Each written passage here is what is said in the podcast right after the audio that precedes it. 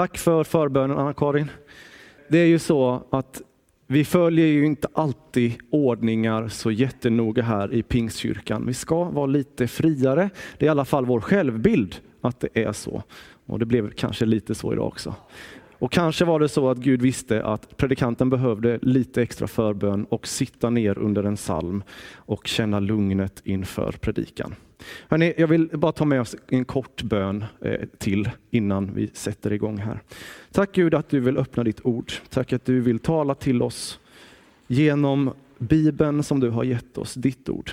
Hjälp oss att förstå vad du har att ge till oss. Hjälp oss att se det som är osynligt för oss. I Jesu namn. Amen. Bra. Förra veckan så predikade Annie om att sänka axlarna och eh, be ständigt, inte ha bönen som en prestation. Jag tänker fortsätta på det temat idag, att inte ha bönen som prestation. Men jag kommer inte utgå från be ständigt. Annie predikade på ett fantastiskt sätt om att få låta det här vardagliga samtalet pågå mellan dig och Gud. Att vi vänder oss till honom med allt som sker i vardagen. Jag kommer beröra bönen ur en annan plats, från en annan plats. Den platsen när vi inte längre vet vilka ord vi ska använda. När bönen inte kan formuleras utan är ett rop på insidan efter hjälp. Jag kommer hämta det ifrån Romarbrevets åttonde kapitel. Men innan vi går dit så ska vi tillsammans läsa ifrån Saltaren och det är från psalm 42. För att försöka sätta stämningen. Försöka förstå vad det är jag är ute efter. Jag har gått och tänkt på den här predikan nu en vecka ungefär och eh, när jag läser de här orden eh, så har jag svårt i alla fall eh, att låta tårarna få stanna kvar. De vill gärna rinna över. I Saltaren så finns det en bedjare som skriver ifrån sin djupa nöd. Så skriver personen så här. För körledaren en vishetssalm av Koras söner. Som hjorten längtar till vattenbäckar, så längtar min själ efter dig, och Gud. Min själ törstar efter Gud, efter den levande guden. När får jag komma och träda fram inför Guds ansikte. Mina tårar är mat dag och natt. Ständigt säger man till mig, var är din Gud? Jag utgjuter min själ och minns hur jag gick bland folket, hur jag vandrade med dem till Guds hus med jubelrop och tacksägelse i skaran av högtidsfirare. Varför så bedrövad min själ? Varför så orolig i mig? Hoppas på Gud jag ska åter få tacka honom, min frälsning och min Gud. Min själ är bedrövad i mig. Därför tänker jag på dig i Jordans land och på Hermons höjder, på Misars berg. Djup ropar till djup i dånet av dina vattenfall. Alla dina svallande böljor sköljer över mig. Jag säger, Herre, förbarma dig över mig. Bo, nej, förlåt. Eh, där hoppade jag fel sidan.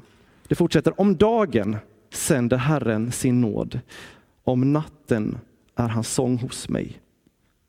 En bön till min livs Gud. Jag vill säga till Gud min klippa, varför har du glömt mig? Varför måste jag gå sörjande, trängd av fiender? Det är som man krossar mina ben när mina fiender hånar mig och ständigt frågar mig, var är din Gud? Varför så bedrövad min själ? Varför så orolig i mig? Hoppas på Gud. Jag ska åter få tacka honom, min frälsning och min Gud. Saltaren är en fantastisk bok. En bönebok för Guds folk. Det här är första tipset. När orden i din bön inte räcker till när du inte vet vad du ska säga, gå till Saltaren. Läs i Saltaren. Ta hjälp ifrån andra som har formulerat orden.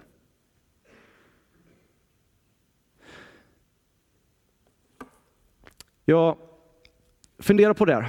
Är vi vana vid att läsa andras böner? I det här sammanhanget är vi det. Det finns en härlig berättelse från min hemtrakt eh, där mina föräldrar bor nu, Kultorp, en sån här härlig småländsk väckelsebygd att det var en kringresande evangelist som åkte runt och, och knackade dörr och hälsade på hemma hos folk i byn. Runt omkring Kultorp så kom den här personen, knackade på en dörr.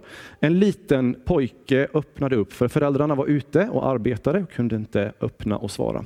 Så en liten pojke, vi kan väl säga för berättelsens skull att han är en fem år ungefär, kommer ut och möter den här evangelisten som frågar, ja, är, det, är det bara du som är hemma? Ja, eh, ja jag, är, jag är här ett ärende, jag är evangelist och jag berättar om Jesus för människor och så och berättar för pojken, ja men eh, vi tror på Jesus i vår familj. Jaha, okej, okay. vad bra. Men då kanske vi skulle kunna be Gud som haver tillsammans, säger evangelisten. Varpå den lilla pojken säger, nej det kan vi inte för vi är pingstvänner i den här familjen och vi ber fria böner.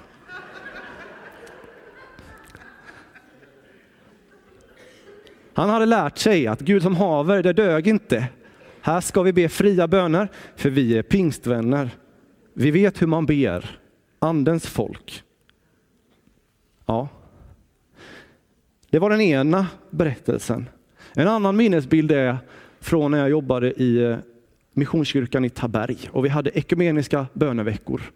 Och så sa jag som ungdomsledare där att ja, men jag kan hålla i bönen som vi ska ha i Pingstkyrkan. Jag ordnar den, inga problem. Så jag förberedde lite lovsånger och så hade vi växelläsning ur Saltaren. För jag var uppvuxen med många svenskkyrkliga vänner och vi hade ofta läst Saltaren växelläsning. Ena sidan läser, andra sidan läser, eller männen börjar, kvinnorna svarar, eller hur man nu gör. Och det var en eh, spännande upplevelse att få sitta i Pingstkyrkan och läsa växelläsning ur Saltaren. För att jag förstod att det gör man inte här. Det har man inte gjort här. Man är inte van vid det här sättet att be. Och där är min första fråga i predikan om vårt sammanhang. Nu är vi i Norrland, vi är långt bort ifrån Småland. Vi är fortfarande pingstkyrka, pingströrelse. Hur är det egentligen med bönen i våra sammanhang? Och prestationen? Har vi fostrat en kultur där man måste be med egna ord? Att kunna formulera sig ungefär som predikanten där framme, evangelisten som hållit på med det länge, för att bönen ska vara giltig. Ibland tror jag att vi har gjort det. Ibland tror jag att vi har odlat en kultur som faktiskt stöter bort människor som är på den platsen där orden inte längre räcker.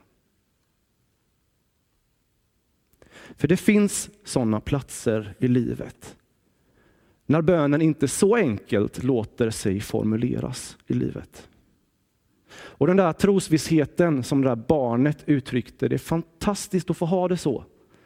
Det är fantastiskt när bönen bär. När jag kan tacka Gud, när jag får be till honom, jag får frimodigt formulera precis exakt det jag vill säga.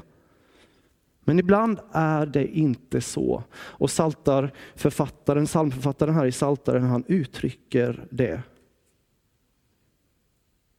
Hans fiender säger, var är din Gud?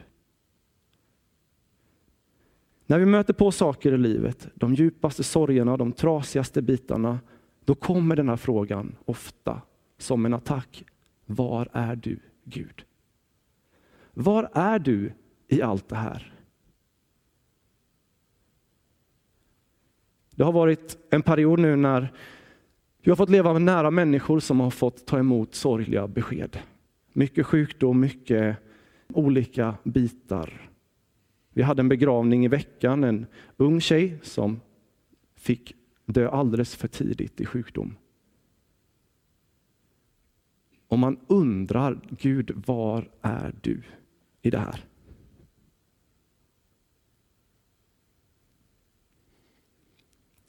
Nu går vi till Romarbrevet. Kapitel 8. Och vi läser gärna kapitel 8, den här biten som säger att varken död eller liv, varken änglar eller furstar, varken något som är eller något som kommer kan skilja oss ifrån Guds kärlek i Kristus Jesus vår Herre. Det här trosvissa, fantastiska. Men det finns mer i kapitel 8 också. Från vers 22 läser vi. Och då står det så här. Vi vet att hela skapelsen gemensamt fortfarande suckar och våndas. Inte bara den, utan också vi som har fått anden som förstlingsfrukt suckar inom oss och väntar på barnaskapet, vår kropps förlossning. Vi pausar där. Tårar är min föda dag och natt. Det finns i, i Paulus ord här en visshet om att det är så här det är. Allting är inte som det borde vara. Det finns en djup suckan hos inte bara oss, inte bara människor utanför kyrkan, de som inte har funnits Gud, utan också hos de som har fått anden. Hela skapelsen suckar. Och Det är som om i den här texten så ser jag hur vi bär inom oss någon slags minne av Edens lustgård. Att vi vet någonstans djupt inne, det borde inte vara så här. Var är du Gud? Det borde inte vara så här, men det är så här och vi suckar.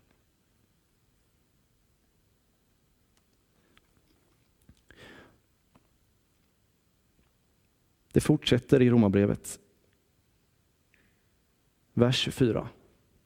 Därför att det vi behöver det är hopp i den situationen. Och så säger Paulus så här.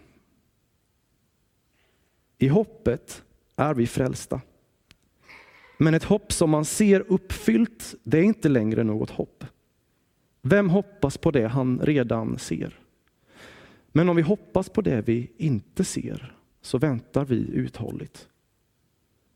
Så hjälper också anden oss i vår svaghet. Vi vet inte vad vi borde be om. Men anden själv vädjar för oss med suckar utan ord. Och han som utforskar hjärtan vet vad anden menar eftersom anden vädjar för de heliga så som Gud vill.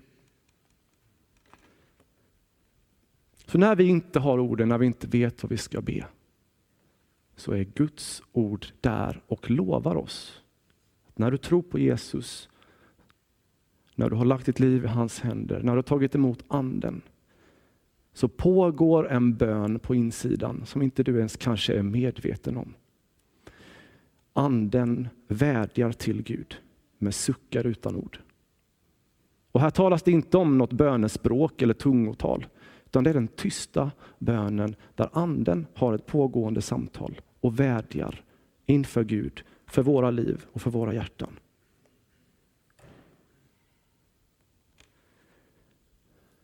Men det här skavet då?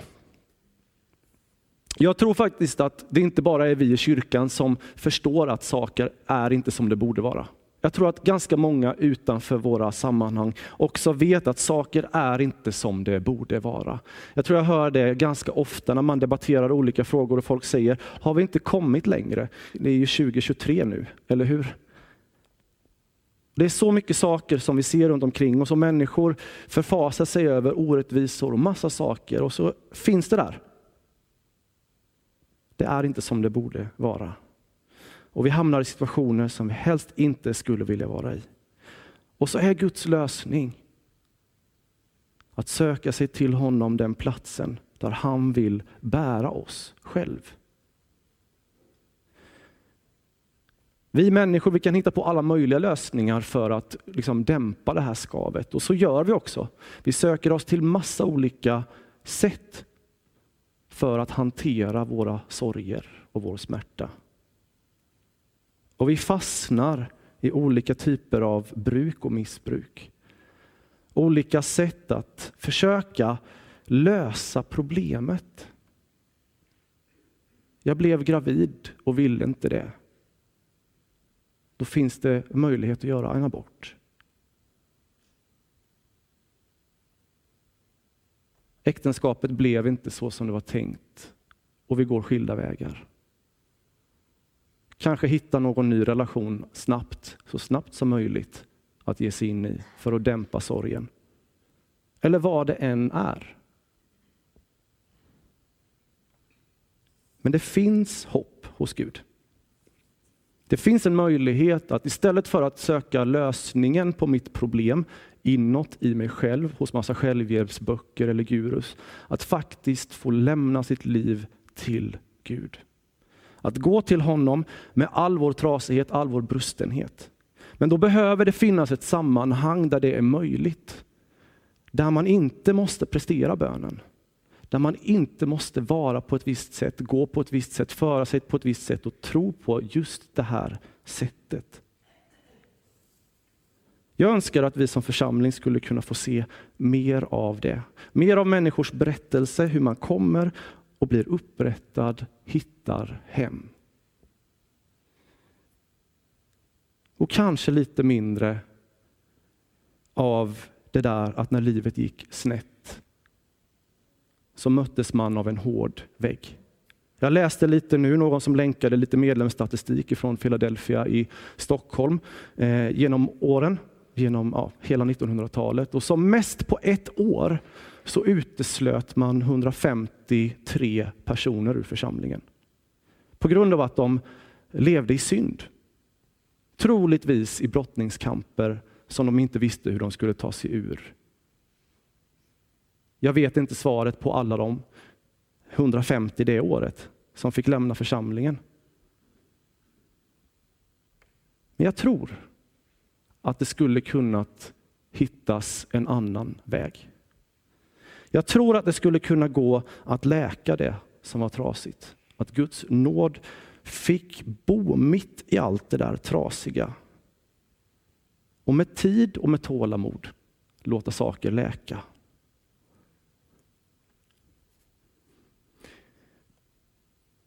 Vem hoppas på det som man ser? Ibland så är det så i livet att vi ser inte utgången än. Vi ser inte det som ska komma, Guds löften. Vi ser inte ljuset i tunneln. Men det finns ett hopp bortanför det som vi kan se. Och vi får sätta vårt hopp till Gud. Och vi har det hoppet, vi äger det hoppet i församlingen. Det finns gott om det här i Guds ord. Och det är till dig. Jag tänkte vi skulle läsa ifrån första Korintierbrevets andra kapitel. Vers 9 till 11. står det så här. Men som skriften säger, vad ögat inte sett och örat inte hört och människans hjärta inte anat. Det har Gud berett åt dem som älskar honom. Gud har uppenbarat det för oss genom sin ande. Och anden utforskar allt, även djupen i Gud. Vem vet vad som finns i människan utom människans egen, egen ande? så vet heller ingen vad som finns i Gud utom Guds ande. Och här är ekot igen från Saltarsalmen. Djup som ropar till djup. Anden utforskar djupen hos Gud.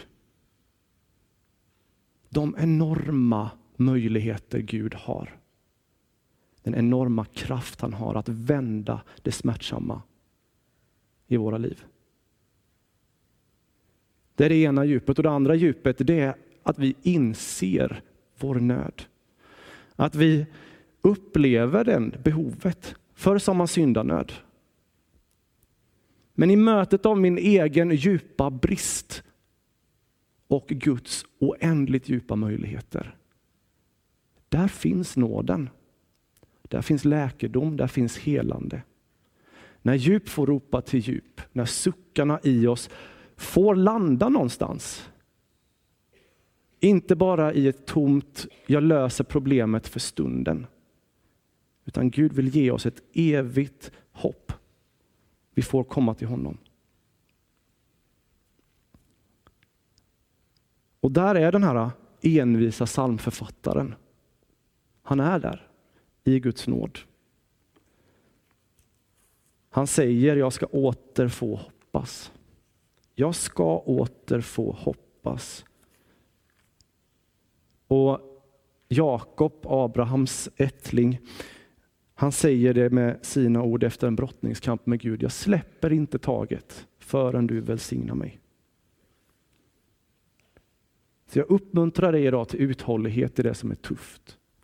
Det som är svårt. Du ska åter få hoppas. I din djupa nöd så vill Gud möta dig med sin djupa möjlighet att kunna vända. Och jag önskar att vi får vara en plats, en församling, där vi inte dömer människor för deras försök att åtgärda problemet.